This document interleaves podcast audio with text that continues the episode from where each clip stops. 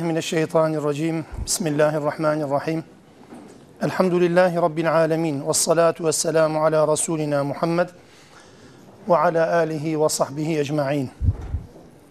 رب اشرح لي صدري ويسر لي أمري واحلل عقدة من لساني يفقه قولي. وأفوض أمري إلى الله. إن الله بصير بالعباد. لا حول ولا قوة إلا بالله العلي العظيم. Alemlerin Rabbi olan Allah'a hamdü senalar olsun. Onun Resulüne, al ve ashabına, ehli beytine salatü selam olsun. Allah'ın rahmeti, bereketi, mağfireti, selamı ve selameti hepinizin, hepimizin üzerine olsun inşallah. Tevbe suresiyle birlikteyiz. Rabbimizin ayetlerinin huzurundayız.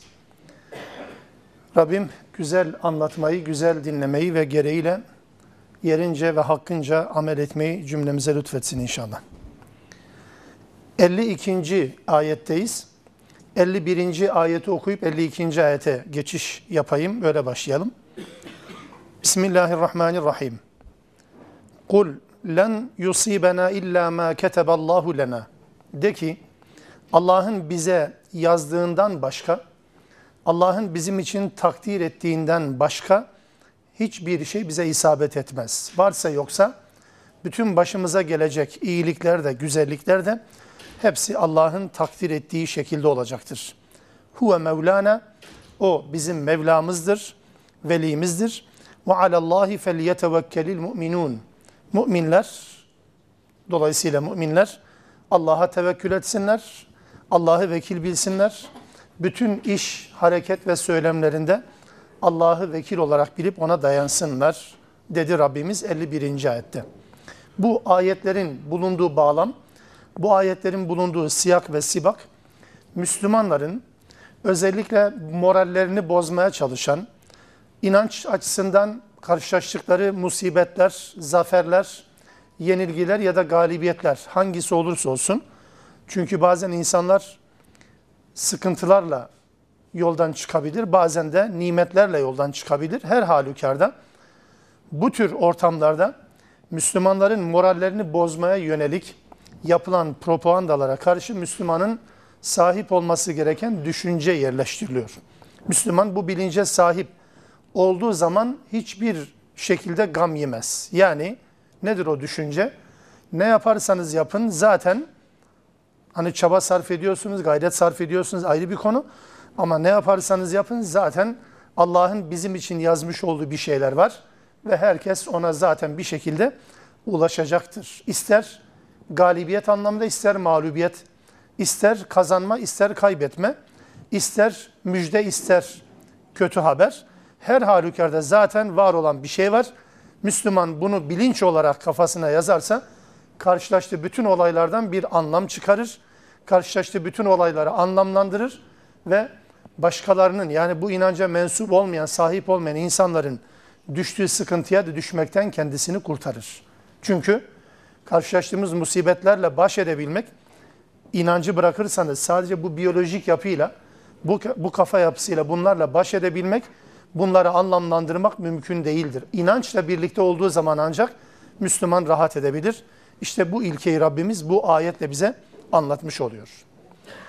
Devamı da bu konu bağlamında ve sonra Müslümanların birlikte yaşamak zorunda kaldıkları, dün ve bugün ve de yarın, tarihin her döneminde Müslümanların birlikte yaşamak zorunda kaldıkları, Müslümanların yanı başında bulunan, Müslüman gibi geçinen ama aynı zamanda Müslümanlara da yapmadıklarını bırakmayan bir kesimden ona karşı dikkatli olmaktan da söz eden ayetler gelecek. Rabbimiz dikkatlerimizi bu noktaya çekiyor. Okuyoruz ayet 52. Kul de ki hel tarabbasune bina illa ihdel husneyeyn. Siz bizimle ilgili olarak iki güzel şeyden başka bir şey mi bekliyorsunuz? Bunu söyle kime? Muhataplarınıza. Bizim karşılaşacağımız sonuç iki güzelden birisidir. Bizim için her ikisi de güzeldir. Üçüncü bir ihtimal yok. Savaşın söz konusu olduğu ortamlarda ya galip gelmek, zafer kazanmak ya mağlup olmak hatta belki sonuç olarak ölmek. Hangisi kötü olabilir ki bir Müslüman için? Siz bizim hakkımızda İkisinden birisini beklersiniz. Var mı ötesi? Nihai noktada zafer kazanmamızı beklemezseniz bile bizim galibiyet elde etmemizi, bizim bütün işleri kazanca dönüştürmemizi sevmez, hoşlanmazsanız bile sonuçta hoşlanacağınız bir şey var. Bizim ölmemiz öyle değil mi? Sonuçta ölmemiz bile kayıp değil ki. İhdel hüsneyeyn. Bu tanıma dikkat edelim. Allah Teala her ikisine de hüsn kelimesini kullanıyor. Yani kazanmak ne kadar güzelse kaybetmek de o kadar güzeldir. Şimdi sizin bizimle alakalı beklediğiniz en nihai nokta, olumsuz nokta ne olabilir? Ölüm mü? E fark etmez ki. Ölünce kaybetmiyoruz ki zaten. Bunu söyleyin diyor. Çünkü hayatı sadece dünyadan ibaret zanneden insanların ölümü gerçekten bitiştir. Oysa hayatın ahiret boyutunu, ikinci devre olarak ahiretin varlığını düşünen, inanan insanlar için ölüm son değil ki. Hayatın sadece ikinci devresinin başlamasından ibarettir. Ne fark eder? Yani siz hayatta mı kalacaksınız biz ölünce? Müslümanlar, fedakarlık yapanlar ölüyor da diğerleri hayatta mı kalıyor sanki? Yani Musa vefat etti de sanki Firavun hayatta mı kaldı? Yani Muhammed Aleyhisselam vefat etti Ebu Cehil sanki yaşıyor mu ki? Günlü gün mü etmeye başladı? Ne değişti? Sadece ve sadece şu var Müslüman için kazansa da savaş ortamında güzel, hüsün, kaybetse de zaten güzeldir. Onun için Müslümanın literatüründe, Müslüman bir kişinin lügatinde yenilgi diye bir şey yok. Ya galibiyet var, ya şehadet var. İkisi de birbirinden güzeldir. Fark eden bir şey değil bakınız. Bunun edebiyatını yapmak değil bu. Gerçekten ikisi de son derece güzeldir. Hatta sadece savaş ortamında galip gelme, zafer kazanma ve de ölme ya da öldürülme ile mesele değil sadece. Genel anlamda da bu böyledir. Mesela Kur'an'ın bize anlattığı, bize öğrettiği tarihe baktığınız zaman hangisine kayıp diyebilirsiniz? Mesela Nuh'unki kayıp mı?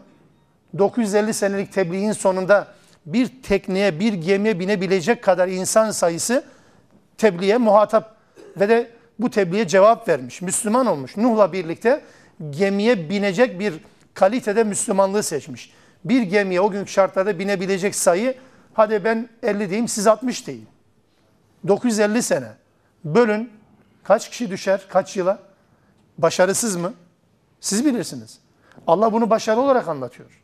Hatta mesela Lut Aleyhisselam'ın kavmi helak edildiğinde Zariyat de bir sure var. Ah keşke bütün sureler Yasin kadar lazım olup okusak. Zariyat suresi.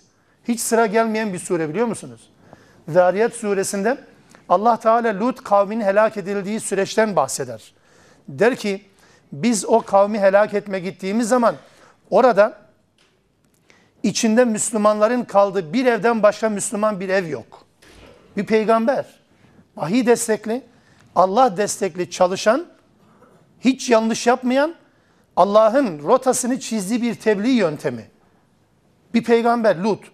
Toplamda ne kadar Müslüman var dersiniz? Yok. Bir tane ev Müslüman. Helak edilme sürecinde melekler o toplumun altını üstünü getirmek için geldiklerinde sadece içinde Müslüman olan bir tane evden başka ev yoktu diyor. Başarısız mı? Allah siz bilirsiniz. Kur'an'ın başarı tarifi budur. Yani Allah Teala Müslümana yüklediği sorumlulukları yerine getirip getirmemesidir başarı ve başarısızlık. Yerine getirdikten sonra netice almışsınız veya almamışsınız. Çok da önemli değil ki ya. Netice başarının tanımı değildir. Netice ulaşmamak, belirlediğiniz hedefi, belirlediğiniz o ideali gerçekleştirmediniz diye tüh ya başarısız olduk demek yanlıştır. Yanlıştır ya. Yanlıştır. Yıllardır Müslümanlara anlatamadığımız şeydir bu. Niye? Çünkü Kur'an perspektifinden bakmıyoruz ki. Bu pencereden bakmıyoruz ki. Allah bize ne yükledi? Bizden ne istiyor? Biz Allah'ın bizden istediklerini değil, bizim hedeflediklerimizin gerçekleşip gerçekleşmediğine bakıyoruz. Yıllar önceydi hatırlıyorum. Hiç unutmadığım şeylerden birisidir. Bu toplumda, bu beldede Müslümanların yaptığı yanlıştan dolayı başarısız olduğunu anlata anlata bitiremiyorlardı. Ve o dönemlerde çok başarılı gibi lanse edilen bir kesim vardı. Çok başarılılar. Okullarıyla, faaliyetleriyle, yapılarıyla, efendim maddi manevi imkanlarıyla çok mükemmel bir başarı elde edildiğinden dem vurarak Bak onlar böyle akıllı hareket etti. Biz böyle hareketi başarısız olduk. Kriter neydi? Vardığın sonuç muydu? Meydanda. Onun için başarı demek illa da galip gelmek demek değil. Bazen ölmek de başarıdır. Ölmek ya, ölmenin ötesi yok ki zaten. Allah buna da başarı diyor. Yani belki galibiyete elde etmek, belki hedeflenen noktaya varabilmek her Müslümanın gerçekten gözünü aydınlatacak bir şeydir. Doğru, bunu tartışmıyorum. Ama Kur'an her ikisine de hüsneyeyn diyor bakınız. Yenilgi de başarı, insanların bakış açısıyla yenilgi de başarı, sonuca ulaşmamak da başarı, sonuca ulaşmak da başarı. Hiç fark etmez. Mesela Hazreti Peygamber'in Mekke'de tebliğde bulunduğu, Medine hicret ettikten sonra Müslümanlara çizdi bir hedef var. Kazanacaksınız. Kazan, kazanacaksınız sözünü duyan ve bu söze göre hareket eden Müslümanlardan ne kadarı Mekke'nin fethini izledi gördü? Sorayım. Ne kadarı gördü? Hepsi görmedik ya. İlk baştan itibaren peygambere omuz veren Müslümanlardan ne kadarı Mekke'nin fethini izledi? Hah ya gerçekten iyi oldu. Yok birçoğu da şehit oldu arada. Oraya varmadan birçoğu Rabbine kavuştu. Şimdi bunlar başarısız mı oldu? Kayıp mı ettiler? İslam böyle bir şeydir. Onun için sizinle alakalı plan, program, proje üretenlere deyin ki hel tarabbasune bina illa ihdel husneyeyn siz bizimle alakalı olarak iki güzelden başka ne bekliyorsunuz?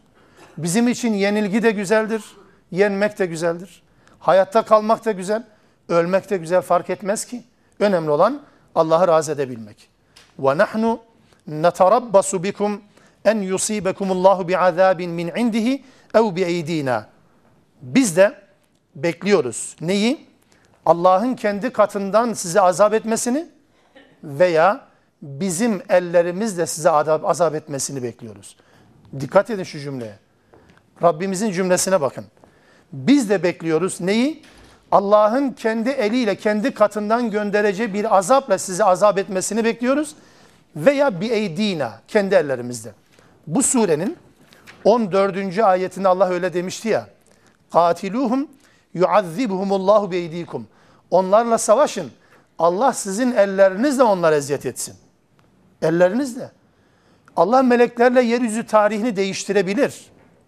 Yeryüzündeki tarihi akışı değiştirebilir melekler gücüyle. Allah bunu isteyebilir, ister de yapar da. Problem değil ki. Mesele o değil. Allah istiyor ki bu şerefi yeryüzündeki insanlar kazansınlar. Sizin ellerinizde. Aynı ifadenin tekrarıdır 52. ayet. Ev bi eydina ya da bizim ellerimizde. Bunu gerçekten istemek lazım. Yani Allah'ın meleklerle halledeceği birçok şey var. Ama bir Müslüman, ben ve siz gerçekten bunu gönülden isteyerek dua etmek zorundayız. Rabbimiz zalimlerin zulmünü ortadan kaldırmayı bize nasip et.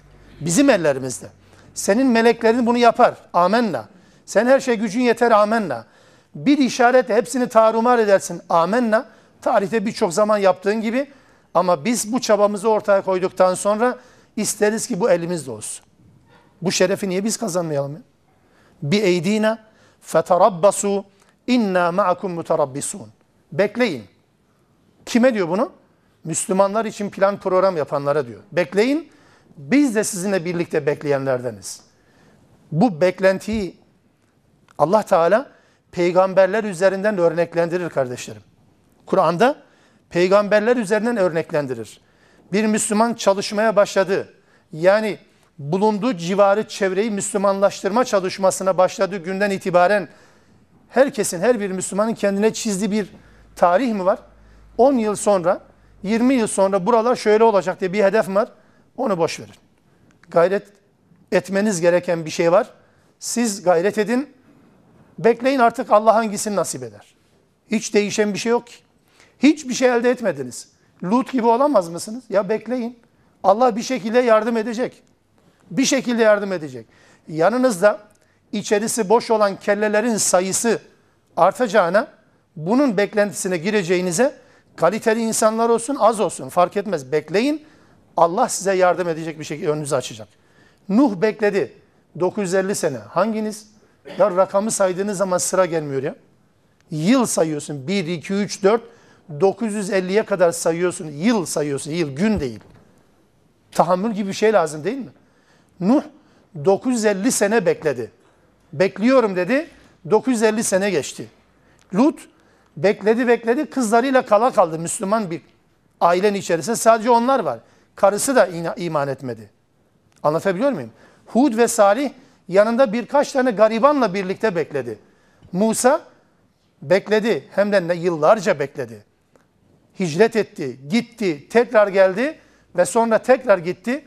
Bekledi, yıllarca bekledikten sonra Firavun'un boğuluşunu izledi.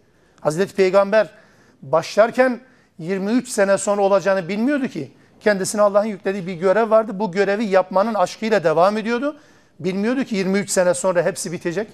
23 sene sonra herkes kendisine boyun eğmiş durumda. Arabistan Yarımadası şirk unsurlarından tamamen temizlenmiş durumda. Bekledi, bekleyen amacına kavuşur. Ama öyle ama böyle. Kendi takvimimizi belirleme hakkımız yok. Yani şöyle bir sonuç elde edelim diye bir kural yok. Allah bizim hiç aklımıza getiremeyeceğimiz yöntemlerle bu yardımı gönderir bir şekilde. Yeter ki biz gayret edelim. E biz de bekliyoruz ama bizim beklentimiz şöyle olmasın. Yani bekleyelim, faturayı Allah'a keselim. Allah'a havale edelim. Ya Rabbi şu işlere bir el at. Öyle değil. Biz yapalım bir şeyler. Allah da bizim bıraktığımız eksikleri tamamlamış olacaktır. Onun için فَتَرَبَّسُوا inna مَعَكُمْ مِنَ الْمُتَرَبِّسِينَ Ya da müterabbisun. siz bekleyin. Biz de sizinle birlikte ah bekliyoruz. Elbette bir gün hakikatler ortaya çıkacaktır. Ayet 53. Kul de ki enfiku tav'an ev kerhan. İster gönüllü olarak, ister kerhen, zorla ve gönülsüz olarak infak edin. Ha nasıl infak ederseniz edin, len yukbele minkum. Sizden yapacağınız bu infak kabul edilmeyecektir. İnnekum kuntum kavmen fasikin. Çünkü siz fasık bir toplumsunuz. Yani yoldan çıkan bir toplumsunuz. O yüzden ne kadar infak ederseniz edin, Allah bu infakınızı kabul etmeyecektir. İster gönüllü olarak, ister gönülsüz olarak. Peki neden bu infaklar kabul edilmiyor? Adam cebinden çıkarıp servetini başkasıyla paylaşıyor ve kabul edilmeme ihtimali var. Nedenmiş bu? Şartlar şu. وَمَا مَنَعَهُمْ Ayet 54. وَمَا مَنَعَهُمْ en tuqbele minhum nefakatuhum illa ennehum keferu billahi ve bi rasulihi. Onların yaptığı infakın kabul edilmemesinin en önemli nedeni infakın kabul edilmesindeki en büyük engel Allah'ı ve peygambere küfretmeleri. Diyeceksiniz nasıl bir şey bu ya? Yani hem Allah ve Resulüne küfredecek hem de infak olur mu? Oluyor işte. Yani sadece Medine'de değil ki. Bütün Medine'lerde var, bütün şehirlerde bu var. İnsanların, Müslümanların hep birlikte yaşadıkları bütün toplumlarda benzeri infaklar var. Var ki Allah Teala haber veriyor. Medine'den bahsetmiyor. İnfak ediyor ama Allah ve Resulünü kabul etmiyor. Buna rağmen infak ediyor. Niye? Mecburiyetten, toplumun şartlarından, toplumun beklentilerine cevap verme kaygısıyla infak ediyor. Onların infakı kabul edilmeyecek. Edilmeme nedeni bu. Allah'ı ve Resulünü inkar etmeleri. Ama iman ediyorlardı. Dışarıdan öyle. Dışarıdan öyledir. Yani biz Allah'a ve ahirete iman ettik. Ama Allah ne diyor? Onlar mümin değildir. Allah bunu söylüyor. Mümin olmadıklarından dolayı. Sadece mümin olduklarını söyledikleri için bu. Sadece mümin olduğunu söylemek mümin demek değildir. Onun için infakları kabul edilmiyor. Bir de وَلَا يَأْتُونَ الصَّلَاةَ اِلَّا وَهُمْ كُسَالًا üşene üşene namaza geldiklerinden dolayı. Namaza geliş biçimi infakın kabul ve reddinde etkili kardeşlerim. Dikkat edelim. Namaza üşene üşene gitmek infakın kabul ve reddinde etkilidir. Onların infaklarının kabul edilmemesinin ikinci nedeni namaza üşene üşene gelmeleri. Kılmamaları değil. Kılmamaları değil unutun onu. Namazı kılmaları ama üşene üşene gelmeleri. وَلَا يُنْفِقُونَ اِلَّا وَهُمْ كَارِهُونَ Ve istemeye istemeye infak etmeleridir. İnfaklarının engellenmesi, kabulün engellenmesi. İstemeyerek. İstemeyerek infak olur mu? İstemeyerek. Yani birisinin istemesiyle mecbur kalıyor. Hatırını kırmamak için mecbur kalıyor. ne derler acaba diye mecbur kalıyor. Çevrenin şartlarının etkisinde kalarak mecbur kalıyor. Allah dedi diye değil, birisi baskı kurdu diye infak ediyor. Mecbur kaldığı için infak ediyor. Bu infak ve karihun kapsamında. Yani istemeyerek infakın bir şeklidir bakın bu. Bu da infakı reddetmeye nedendir. İstediğin kadar milyarlar, trilyonlar ver. O infakını yapmaya neden olan şey nedir? Allah mı değil? Değilse bu infak kabul edilmeyecek anlamına gelir. Buraya geldiğimizde şöyle bir sayfa açmamız lazım. Allah Teala münafıklardan bahsediyor. 53-54. ayette infaka geçti. Sonra 54, 55, 56, 57. ayetlerde tekrar münafıklardan bahsediyor. 59-60'da tekrar infaktan bahsedecek. İnfak, münafık, infak, münafık böyle gidiyor. Şimdi bakın Kur'an'da şöyle bir tablo karşımızda durur. Münafıklardan söz eden surelerde, surelerde diyorum bakınız, münafıklardan söz eden surelerde kaçınılmaz olarak infaktan bahsediyor. Peşinden infak geliyor. Bu yapıyı kesinlikle bütün surelerde görürsünüz. Münafıklardan söz ediliyorsa arkasından infaktan söz edilmesini bekleyin. Bakara böyledir. Ali İmran böyledir. Nisa böyledir. Tevbe böyledir. Sadece uzun sureler değil. Hadid böyledir. Haşr suresi böyledir. Orta sureler. Kısa surelere geçeyim. Münafikun de bir sure var. Münafikun suresi. 11 ayetlik bir sure. Bir sayfalık yaklaşık. Bu bir sayfalık adı münafikun olan bu surede 8 ayet münafıkların özelliklerinden bahseder. Son 3 ayette ölüm size gelmeden Ya Rabbi bana bir tekrar süre ver demeden önce infak edin çağrısıyla biter. İnfakla biter. Maun suresi minnacık bir sure hem infaktan bahseder ve yemna'unel maun hem de feveyn lil musallinden bahseder. Münafıklardan, namazlarından gafil olan münafıklardan bahseder. Bu yapı nedir? Bu yapı şunu bize anlatır. Müslüman bir insan, mümin bir kişi hayatta hayatta münafık yani infak eden bir kişi hayatta münafıklık yapamaz. Münafık olan bir kişi de hayatta infak edemez. Yaptığı harcama vardır da o harcamanın karşılığı yoktur. Çarpanı sıfır. Neden? Çünkü bakın münafık namaz kılabilir. Üşene üşene kıldığı için infak gitti. İstemeye istemeye infak etmek zorunda kaldığı için infak gitti. İmanı kalbine yerleştirmediği için infak yaptığı infak gitti. Çarpanı hep sıfırdır. Yoksa amelleri yok değildir. Ve iki kelimenin de kökünün aynı olduğuna yeniden dikkatlerinizi çekmek isterim. İnfak ve münafık. Kelimenin kök yapısında kelimelerle oynamayı pek sevmem ama Kur'an'ın kelime kavram haritasında önemli bir yer tuttuğu için söylüyorum bunu. Nefak kelimesi Kur'an Arapçada nefak kelimesi Arapçada tünel anlamına gelir.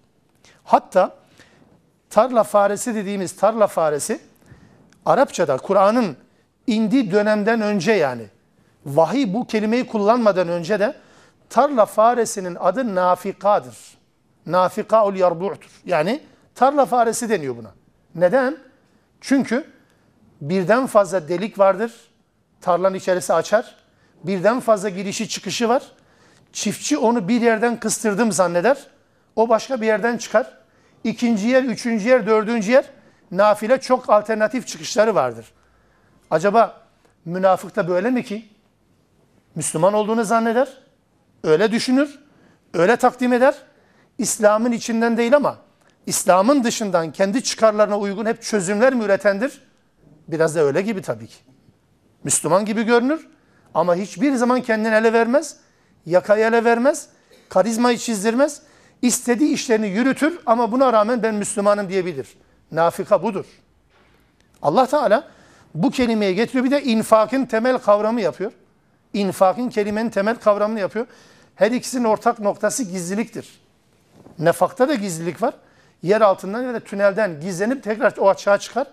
İnfakta da bir gizlilik vardır.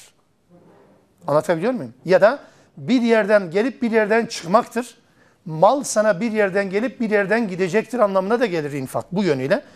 Ama her halükarda bu iki kelimenin temsil ettiği iki kesim, kesim yani infak edenlerle münafıklık yapanların yan yana zikredilmesi bize şu mesajı verir mi? Mesajı verir mi? Allah en iyisini bilir. Böyle bir sonuç sanki var. İnfakla münafıklık birbirlerinin birbirlerinin panzehiridir. Biri varsa diğeri yoktur. İnfak Allah'ın istediği tanımla infak yani. Yoksa harcama değil yani. Allah için infak ile münafıklık yan yana olmaz. Birisinin olduğu yerde diğerisi olmaz. Onun için Allah Teala getirdi Tevbe suresinde münafıkların tavır ve davranışlardan söz eden bölüm içerisinde infaktan söz etti. İnfaktan söz ederken de dedi ki ister gönüllü yapın bu infakı, ister gönülsüz yapın. İsterse zorla yapın, başkalarının hatırına yapın. Hiçbir zaman sizin için bu kabul edilmeyecektir. Burada gönüllü olmayanı anladık da gönüllü nasıl yapabilir bir münafık? Yani aslında gönüllü yapmaz. Allah için yapmaz. Peki niye gönüllü yapar? Çünkü münafıkların ahlaki değerler uğruna, kimi değerler uğruna yapılmış süsü vererek gönüllü yaptıkları harcamalardır bunlar. Ahlaki değerler, toplumsal değerler, beklentilere cevap verme anlamında. Yani her dönemde bu vardır. Adam kesenin ağzını açıyor. Ne yapıyor? Bir şeyler yapıyor. Harcamış gerçekten. Gönüllü yapıyor. Kimse de silah zoruyla koparmıyor. Ama bu infak kabul edilmez. Neden? Çünkü Allah'ın harca dediği yerde değildir. Çünkü kendisine prestij kazandıracak bir harcamayla bunu harcıyor. Ya da şöyle de olabilir mesela toplumsal bir görevin gereği olarak toplumsal bir görevin gereği okul yapmanı bekliyor, okul yapıyor. Cami yapmanı bekliyor, cami yapıyor. Şunu yapmanı bekliyor, bunu yapıyor vesaire benzer. İle bu örneklerle sınırlandırmayalım.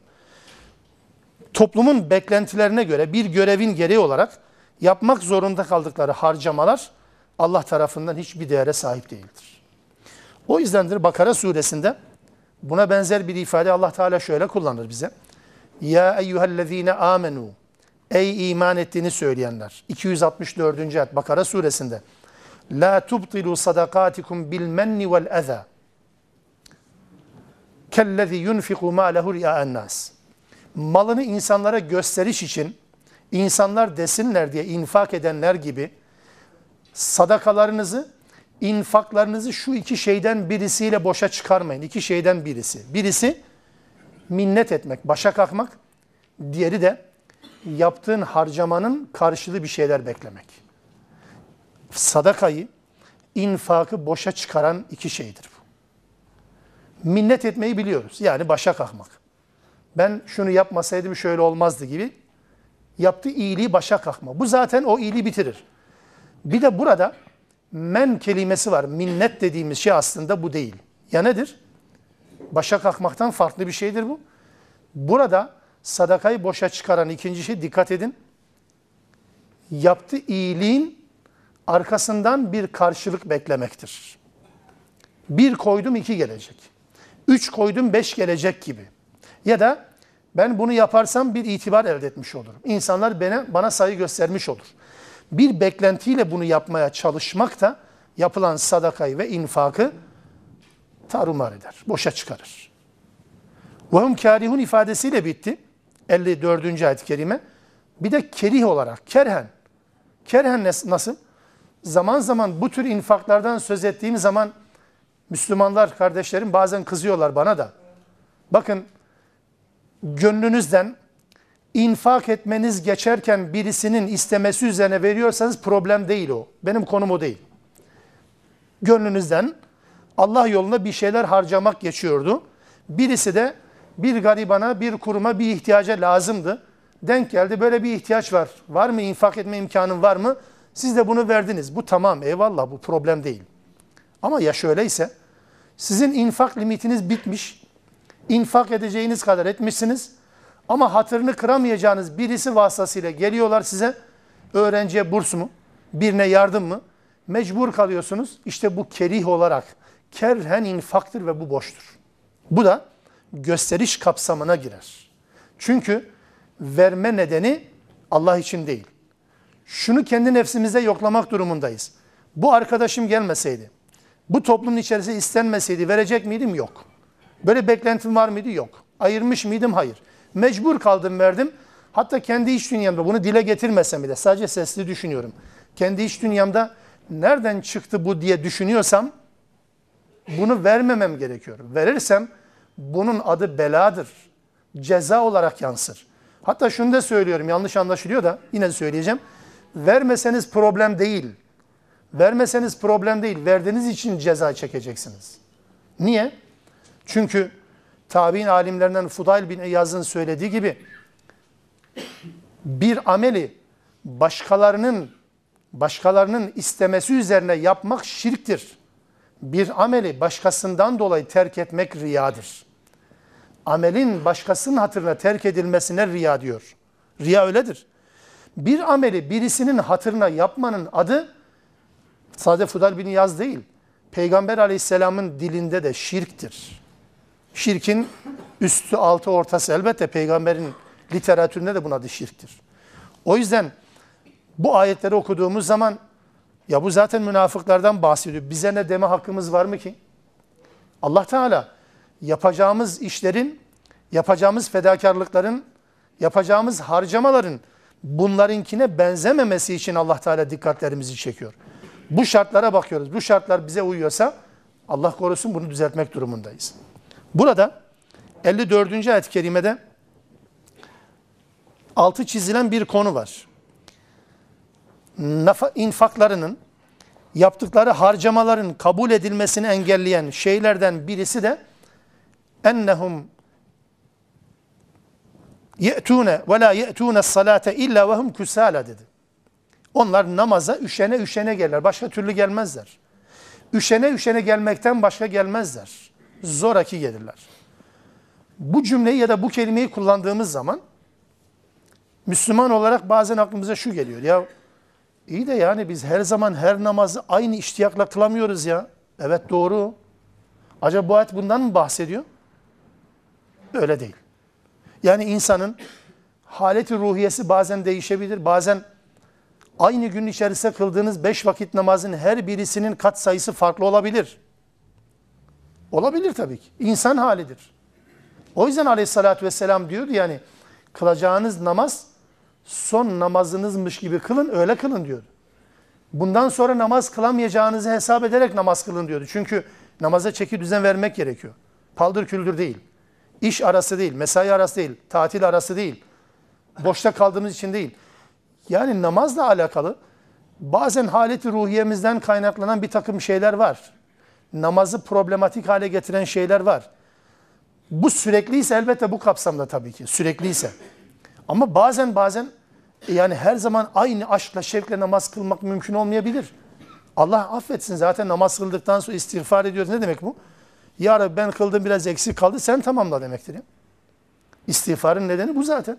Ben bu kadar becerebildim ya Rabbi gerisini sen tamamlarsın.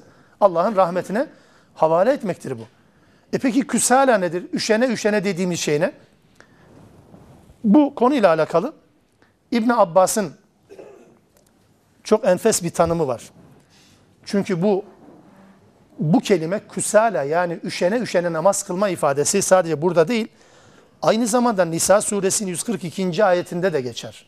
Orada da çok açık ve net bir şekilde münafıkların özelliklerinden birisi olarak anlatılır. İnnel münafikine yuhadi'un Allah'a münafıklar o kimselerdir ki Allah'ı kandırmaya çalışırlar. Oysa ve huve hadi'uhum Allah onları kandırıyor. Allah onların farkına varmayacağı sürece koymuş onları. Onlar farkında değiller. Ve izâ kâmû ilâs salâti Nisa 142 Ve izâ kâmû ilâs salâti kâmû küsâlâ Namaza geldikleri zaman namaz kılmazlar değil. Namaz kıldıkları zaman üşene üşene kılarlar. Yurâûnen nas insanlara gösteriş için yaparlar. Ve lâ yezkurûnallâh illâ kalîlâ. Çok az hariç Allah'ı zikretmezler. Çok az zikrederler. Buradaki üşene üşene diye münafıkların namaz kılma biçimiyle alakalı Rabbimizin söylediği şey İbn Abbas diyor ki bu ifade toplum içerisindeyken namaz kılan tek başınayken de tek başınayken de namaz kılmayan insan tipinin özelliğidir. Herkesin namaz kıldığı bir ortamda namaz kılmaya gayret eden ama namaz kılmanın, kılanların bulunmadığı bir ortamda namazı terk ediyorsa bu münafıkça bir namazdır. İbn Abbas'ın söylediğine sığınarak söylemek gerekirse kolay zamanlarda namaza evet, zor zamanlarda Allah kerim demek de bu kapsamdadır. Anlatabiliyor muyum? Hatta hadislerde de benzer ifade aleyhissalatü vesselam da kullanır. Hatta namazın kılınma biçimiyle alakalı. Kılmayla alakalı değil. Kılma biçimiyle alakalı. Yani kalabalıklar içerisindeyken kıldığın namazın biçimiyle yalnızken kıldığın namazın biçimi farklıysa bu münafıkça bir namazdır. Ağır şeyler. Gerçekten ağır şeyler. Yani insanlar vardır diye namazı yavaşlatıp kılmak ama tek başınayken paldır küldür kılmaksa bu da münafıkça bir namazdır. Bu süreklilik arz ediyorsa böyledir. Her zaman insan aynı biçimde, aynı kalitede namaz kılmayabilir. Bu ayrı bir konudur. Ya da mesela bunun bir tanımı daha namaz dolayısıyla yani namaz kıldığı zaman bir mükafat beklentisi ümidi olmayan namazı kaçırdığı zaman da ceza korkusu taşımayan kişinin namazıdır bu küsala. Üşene üşene diye çevirdiğimiz namazın modeli bu. Yani namaz kıldığı zaman ha kılmış ha kılmamış. Ne bir sevap beklentisi, kıldım çok büyük bir sevap kazandım bir beklenti de yok. Kılmadım eyvah yandım öyle bir sıkıntı da yok. Bu adamın namazı budur işte. Küsaladır. Bu da bir kriterdir. Onun için burada yeniden hatırlatayım zaman zaman bu ifadelerin geçtiği yerlere gelince takılıyoruz buraya. Münafıkların bu durumdan bahsederken namaz kılmıyorlar değil. Kılıyorlar ama üşene üşene. İnfak etmiyorlar da değil. İnfak etmemenin böyle bir tanımı yok zaten Müslüman hayatında. İnfak etmemek gibi bir özellik zaten yok. Münafık bile ondan dolayı infak ediyor. Ama istemeyerek infak ediyor. Onun için bu özellikleri kendi üzerimizde göstermemeye gayret etmek Müslüman olma sorumluluğumuzun bir gereğidir. Onun için bu ayetleri önce kendimize okuyalım. Sonra bu ayetlerin muhataplarını etrafımızda arayabiliriz. Ama önce kendimize. Önce kendimize. Onun için bu infakları kabul edilmeyecektir. Görüntüde iman ettiğini söyleyen ama gerçekte kalplerine iman yerleşmemiş olan, görüntüde namaz kıldığını gördüğünüz ama aslında namaz gibi bir derdi olmayan, görüntüde infak ettiğini düşündüğünüz ama aslında infak değil bu, harcamadır. Bunların infaklarını Allah Teala bu nedenle reddedecektir, kabul etmeyecektir. Ayet 55. فَلَا تُعْجِبْكَ اَمْوَالُهُمْ وَلَا اَوْلَادُهُمْ Sakın onların ne malları ne de çocukları yani ne ekonomik statüleri ne sosyal statüleri. Kur'an-ı Kerim bu iki kelimeyi kullanır. Mal ve evlat kelimesini kullanır. Bildiğimiz anlamda mal maldır, evlat da evlattır. Aynen öyledir. Fakat bunun temsil ettiği bir yön var. Temsil ettiği bir yapı var. O da şu. Yani kelimelerin anlamını değiştirmek değil bu. Kelimenin anlamını tespit ettikten sonra bize söylediği şey şu. İnsanlar, çünkü bu iki konu Kur'an'da hep sürekli beraberdir. El malu vel benun, mallar ve çocuklar zinettir değil mi? Mal ve çocuklar, mal ve evlat insanlar için birer süstür, dünyayı anlamlı kılan şeylerdir. Ama ikinci aşamada innema emvalukum ve evladukum fitnetun Bilin ki mallarınız ve çocuklarınız birer fitnedir. Yani kazanma ve kaybetmek noktasıdır, kriteridir. Üçüncü aşamada da sizin mallarınız ve çocuklarınız Allah'ı anmaktan sizi alıkoymasın. Bunların tümünü Kur'an ortaya kor. Dolayısıyla buradan hareketle mal bir insanın sahip olduğu ekonomik statüyü doğal olarak temsil eder. Evlat da bir insanın sahip olduğu sosyal statüyü temsil eder. Nüfus ve nüfuz. Nüfus ve nüfuz insanlar ıslah etmeden bu ikisini kullandıkları zaman yani Müslümanca kullanmadıkları zaman bu başlarının belası olur. Bunu Müslümanca kullandıkları zaman da ahireti garanti etmenin vesilesi olur. Bu böyledir. Onun için Allah Teala bunu anlattıktan sonra özelde peygambere ama genelde her birimize. Şu anda bu ayet 55. ayet bana ve size sesleniyor. Sakın ha onların malları ve çocukları ekonomik ve sosyal statüleri sizi imrendirmesin. İmrendirmesin. Vay be demeyin. Birilerinin bu elinde bu iki imkan vardır diye onlara imrenmeyin. Birinin elindeki malın varlığı, birinin elindeki imkanların varlığı onun Allah nezdinde çok iyi bir konumda olduğunu işareti değil. Olay yanlış okumayın diyor Allah Teala. Ya innema yuridullahu li yuazzibahum biha fil hayati dunya ve tezhaq anfusuhum kafirun. Bu dünya hayatında bu mal vasıtasıyla onlara azap etmek istiyor. Bakın enteresan bir şey. Bu dünya hayatında sahip oldukları bu imkanlarla Allah onları azap etmek istiyor. Sahip olunan mal azap neden olur mu? İzah edeyim. Bir de ahirette de zaten kendilerini inkarcı olarak kendilerini helak etmek içindir Allah Teala bu malı veriyor.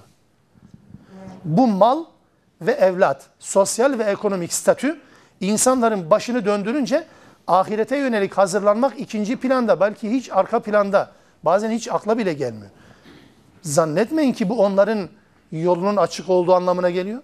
Zannetmeyin ki Allah'ın razı olmasından dolayı kaynaklanıyor bu. Hayır. Onlara hem dünyada hem de ahirette azap vermek içindir bu. Onlara imrenmeyin. Birinin elinde mala imrenilmez. İmrenilen iki şey olur.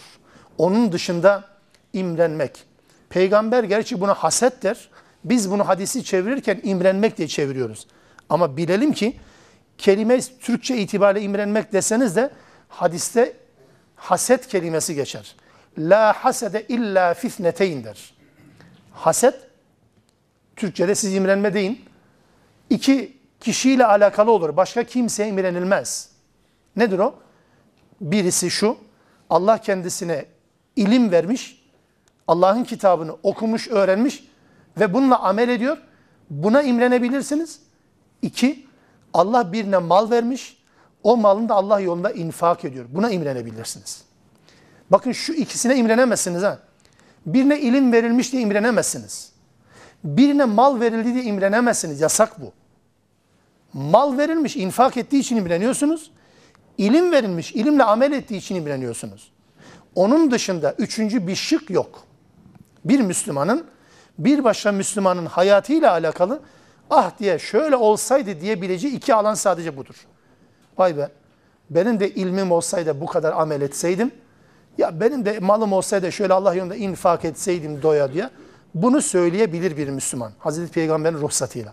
Onun dışında hiç hiçbir zaman insanların ne atına, ne yatına, ne arabasına, ne evine, ne bulunduğu semte, ne şuna ne buna imrenemezsiniz. Hatta bazen acınacak hale gelebilir. Bazen acınacak hale gelir. Çünkü sahip oldukça, servete sahip oldukça, dünkü samimiyetini bugün kaybetmiş olanları görünce bazen acınacak hale geliyor değil mi? Yani 20 yıl önce farklı bir ortamda yaşayan Müslümanların bugün farklı bir ortamda yaşıyor diye fedakarlığı bir tarafa bırakmaları, hadi dendiği zaman kendini ciddi bir fedakarlık değil ya, mal, can falan fedakarlığı değil. Bir saatini ayırma fedakarlığını bile çok gören Müslümanları görünce insan sahip olunan imkanlara imrenmek değil, sadece acıyası geliyor. Gerçekten. Onun için imrenilecek bir şey değildir bunlara. Mala sahip olmaktan bahsetmiyorum. Müslümanların ne kadar mala sahip olacaklarının bir sınırı yoktur Kur'an'da ve İslam'da. Yok böyle. Yani bir Müslüman şu kadar mala sahip olmalı, fazlası olmaz. Hayır. Böyle bir kriter yok. En az benim bildiğim kadar yok.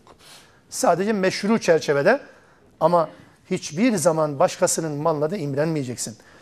Özellikle malı Allah'ın emaneti olarak görmeyenler, çocukları Allah'ın emaneti olarak görmeyenler, ikisini de Allah'ın imtihanı kazanma ve kaybetme aracı olarak görmeyenler, bu tip düşünceye sahip olanlar için malları da çocukları da hem dünyada ızdıraptır hem de ahirette.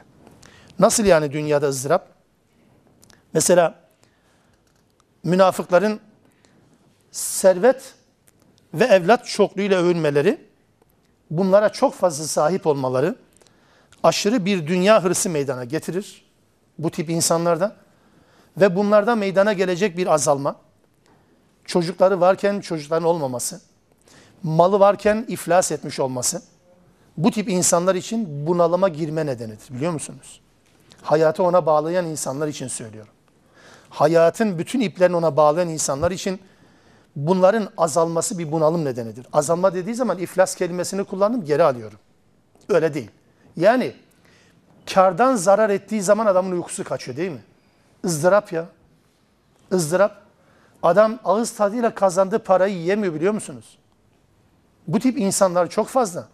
Adam yiyemiyor, rahat bir hayat yaşayamıyor. Güya bir eli yağda bir eli balda ama rahat bir hayat yaşamıyor. Bunalım üstüne bunalım takılıyor.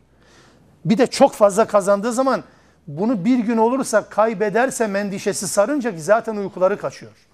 Ve dört elle sarılıyor. Yıllarca biriktirdiğini bir anda kaybetmemek için özellikle haram helal sınırlar da ortadan kalkıyor. Neyine imreneceksiniz? Azap ya işkence bu. Veya özellikle çocuklarından bazısının bu tip insanların nifak hastalığından sıyrılıp samimi bir mümin olmaları bu tip insanlara da acı verir. Yani adam zengindir. Adam takla atıyor. Her türlü gayrimeşru iş yapıyor. Adama bu ortamda ama bu ortamda öyle bir çocuk, öyle bir nesil çıkıyor ki bu insandan aleyhissalatü vesselamın ifadesiyle yuhricul hayye minel meyyit. Ölüden diri çıkıyor yani. Peygamber böyle tarif ediyor. Ölüden diri çıkıyor. Bu da ona bir eziyettir. Adam servetini başka düşünceler, ideolojilerin ayakta kalması için harcıyor. Burnunun dibinde tam tersi ideolojiye, düşünceye sahip bir Müslüman yetişiyor. ızdırap ya, işkence bu. Tersi de işkence değil mi? Müslümanca bir aile yetiştiriyorsun ya oluşturmaya çalışıyorsunuz. Tam ters inkarcı, münkir bir insan, bir nesil. Nasıl eziyet vericiyse bu da ayrı bir eziyettir. Adam mala önem veriyor.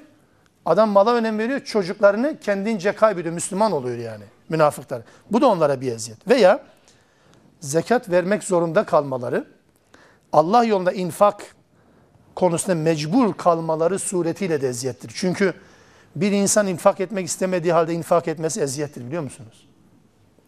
Bu tip insanlar Müslüman bir toplumda buna mahalle baskısı değil ne derseniz deyin şu ve bu etkiyle mecburen infak etmek zorunda kalmaları da bunlar için bir eziyettir. Dünyadaki eziyet bu. Ahirette zaten ne kadar mal meşru bir çerçevede kullanılmadığı için söylüyorum. Ne kadar mal o kadar azap zaten gelecek. Onun için bu tip insanların mala ve evlada sahip olduğu halde bunu Allah'ın istediği şekilde kullanamayan insanların varlıklarına sahip olduklarını imrenmeyin. Onların hem dünya hayatında eziyet hem de ahirette onların cezasına neden olacak. Buna rağmen münafıkları tekrar Allah Teala gündeme getiriyor şimdi. Buna rağmen diyorlar ki ve yahlifune billahi innehum leminkum. Allah'a yemin ederler. Ne diye? İnnehum leminkum. Sizden olduklarına.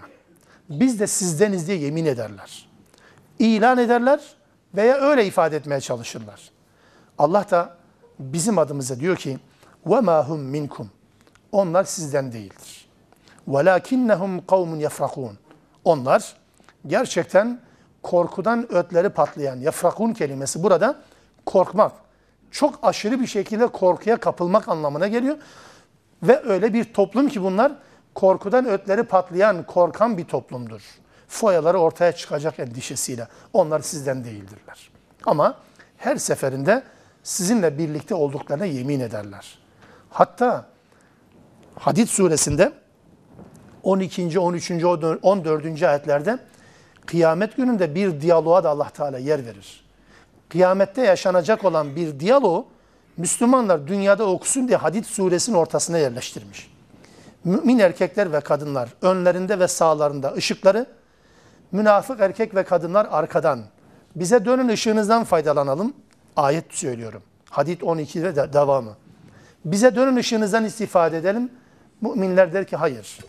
Dönün bu nur geride. Yani burada nur elde edilmez. Dünyada elde edilen nuru biz bugün kullanıyoruz. Nur burada elde edilmez ki. Ödünç de olmaz burada. E tabi bütün ümitleri bitti. Arkasından aralarına bir sur çekilir. Rabbimiz öyle ifade eder. Bir tarafında azap, bir tarafında rahmet. Kapısı olan bir sur. Bu kez az önce birbirlerini görmekte olan münafıklar ve müminler birbirlerini göremez ama sesleri işitir ve işitirirler birbirlerine. Çekilen surun arka tarafından yunadunehum der Allah Teala. Onlara seslenirler, nida ederler. Elem nekun ma'akum bu ifade okuyunca aklıma geldi. Elem nekun ma'akum Biz sizinle birlikte değil miydik?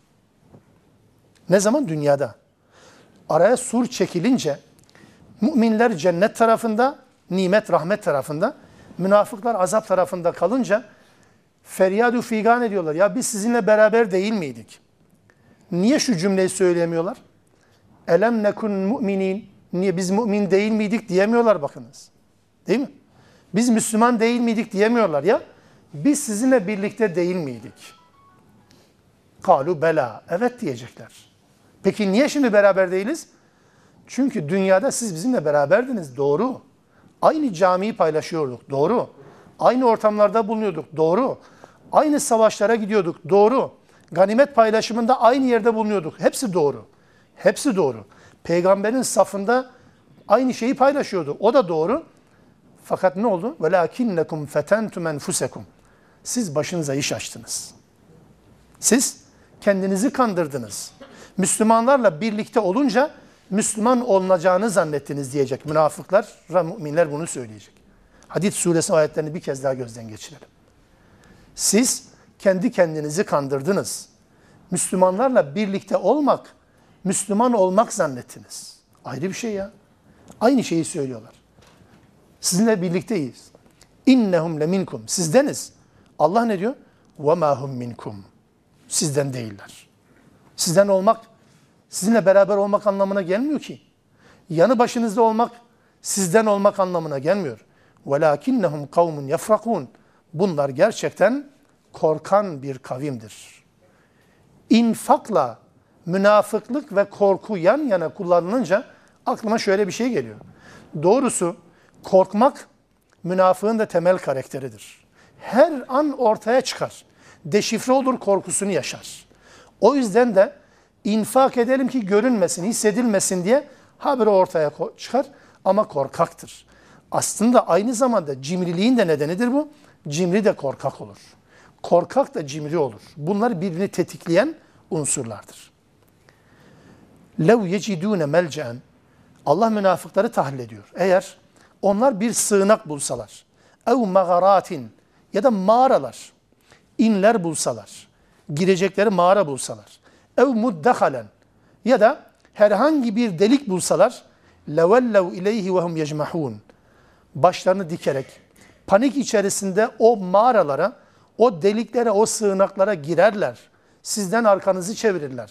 Fırsat ele geçtikleri zaman yani papuç pahalı olduğu bir ortamda, bir zeminde onlar girecek yer ararlar. Bunları bilin diyor Allah Teala. Daha önceki dersin başında da söylemiştim. Allah Teala münafıkları bize anlatırken onları dışlayın diye değil. Tanıyın, Müslümanları adam yerine koyduğunuz gibi bunları adam yerine koymayın. Onlara fedakarlıkta bulunmayın. Onları baş tacı etmeyin.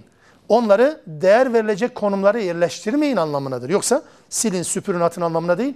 Tanıyın eğer böyle özellikleri varsa, kolay dönemlerin adamlarıysa, zor dönemlerde kaçacak delik arıyorlarsa, bakın sığınak, mağara, delik bunlar bu ifadede kullanılıyor. Bunlar sizin yanınızda olsalar da sizden değiller. Ve minhum onlardan kimileri men yelmizuke fis sadakat. Sadakalar konusunda seni ayıplarlar. Peygamber aleyhissalatü vesselama yönelik. Müslümanı kınarlar, peygamberi kınarlar. Fein nu'tu minha radu. Eğer peygamber onlara infak için bir şeyler sadaka verirse razı olurlar. Ve illem yu'tav eğer vermezse peygamber o sadakadan idahum yashatun kızar ve öfkelenirler. Münafıkların Müslümanlarla birlikte oluşuna neden olan şey sadece ve sadece bir beklenti, bir çıkar. Acaba bir şeyler elde edebilir miyiz? Müslümanlarla birlikte olmanın Müslümanlarla birlikte olmanın acaba bir avantajı olur mu düşüncesiyle Müslümanlarla birlikte olmaya çalışıyorlar. Onun için onlara sadaka verdiğin zaman razı olurlar.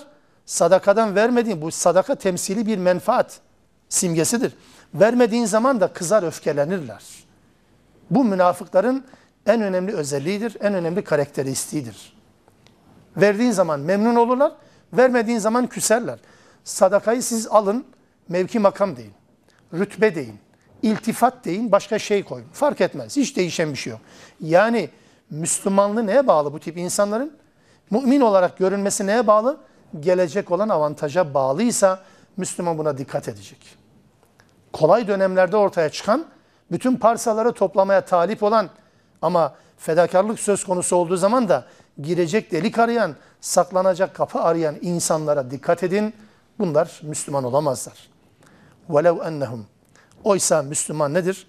Eğer onlar radu ma atahumullahu ve rasuluhu Allah'ın ve Resulünün verdiğine razı olsalar da onlar için daha hayırlı olurdu. Ve kalu hasbunallahu ve Allah bize kafi deselerdi çok daha güzel olurdu. Seyu'tinallahu min fadlihi ve rasuluhu. Allah da Resulü de Allah'ın lütfundan bize verecektir deselerdi çok daha güzel olurdu. Niye peygamberi kınıyor bu insanlar ki? İnna ilallahi rahibun. Bütün hedefimiz, bütün gayemiz, bütün yönelişimiz Allah'adır deselerdi ya. Ama menfaate odaklanan bu tiplerin bunu söyleme imkanları yok. Allah Teala bu 59. ayette bir Müslümanın sahip olacağı olması gereken özelliğini anlatıyor. Yani menfaat sahibi olabilir, olmayabilir. Çok da problem değil. İhtiyacı olsa bile bu ihtiyacını hemen şimdi bir çırpıda halletmesini beklentiye girmemesi lazım. Ne olsun? Allah'ın lütfu gelir bir gün, bugün başkasına, yarın da bana verebilir. Çok da problem değil. Bizim nihai hedefimiz bu değil. Ne gözümüz mevkide, ne gözümüz makamda, ne gözümüz şöhrette, ne gözümüz malda, ne gözümüz köşeye dönmede. Bizim asıl hedefimiz Allah'a yönelmektir. Allah'ı istiyoruz deselerdi bir Müslüman olarak bu onlar için çok daha hayırlı olurdu. Daha önce söyledim tekrara düşmemek için sadece hatırlatayım. Hazreti Peygamber aleyhissalatü vesselamın özellikle Medine döneminin sonlarına doğru biraz Müslümanlar parayla tanışınca tabir caizse böyle yani biraz dünyalıkla tanışınca biraz ayakları dünyevi anlamda yere basmaya başlayınca bu tip karakterler daha çok kendini belli etti. Özellikle Huneyn Savaşı'ndan sonra Huneyn Savaşı'ndan sonra Hazreti Peygamber'in ganimet taksiminde peygambere adil ol diyen insanlar ortaya çıktı. Ya da çok samimi olan muhacirlere kucak açan ama bir anda kalbine, fikrine, düşüncesine yenik düşen bir an sürmedi, devam etmedi. Ama bir anda bunu da tarih kaydediyor, affetmiyor. Hepsi kayıtlarda. Adına ensar dediğimiz insanlar bile ya peygamber hemşehrilerini gördü, onlara biraz yöneldi, onlara iltifat ediyor, bizi hiç düşünmüyor demeye başladılar. Bu düşüncede kalsa hadi neyse de bunu paylaştılar. Peygamber onları toplamıştı, bir hutbe irade etmişti. Daha sonraki dönemde bu kez ganimet değil, yel mizuke fis sadakat, sadakalar konusu aynı şey. Allah Resulüne özellikle zekatı devlet toplar. Bir sonraki 60. ayette buna gelecek. Tabi oraya giremeyeceğim ama zaman yetmeyecek devletin elinde toplanan zekat yani Kur'an'ın sadaka dediği bizim zekat dediğimiz o gelirler dağıtılıyordu. Bu dağıtım sırasında Allah Resulü ihtiyaca binaen herkese veriyordu. İhtiyacı olan herkese. Ama münafıklar çok farklı bir beklentiye giriyorlardı. Müslüman gibi görünen insanlar Peygamber aleyhissalatü vesselamın sadaka dağıtımını bile polemik konusu yaptılar. Mesela İsmi kaynaklarda geçer. Çok da önemli değil ismi.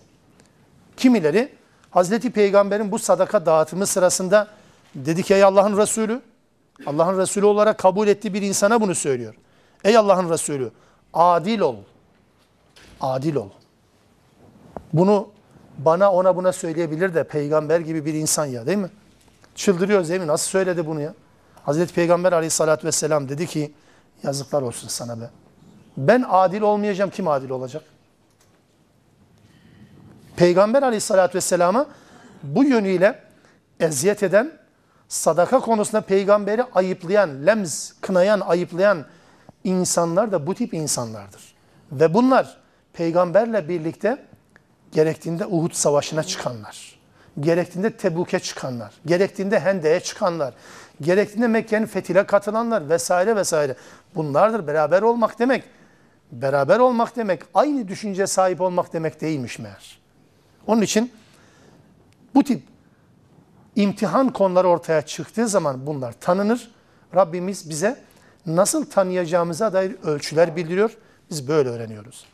60. ayet Allah Teala sadakaların kimlere verileceğini anlatır. Çünkü münafıklar bunu Müslüman görünümlü Bu tip insanlar sadakanın verileceği kesimleri tartışma konusu yapınca Allah Teala bunu bir kural haline getirmek üzere innamas sadakatu diye başlayan ayet indiriyor. Sadakalar, zekatlar şunlara şunlara verilir diye 8 sınıf insan sayıyor. Rabbim lütfederse bir sonraki derste inşallah bu ayetten itibaren okumaya çalışırız. Rabbim ayaklarımızı sabit kılsın inşallah. Bizi bize bırakmasın. Subhaneke Allahümme bihamdik. Eşhedü en la ilahe illen testağfiruk ve etubu ileyk.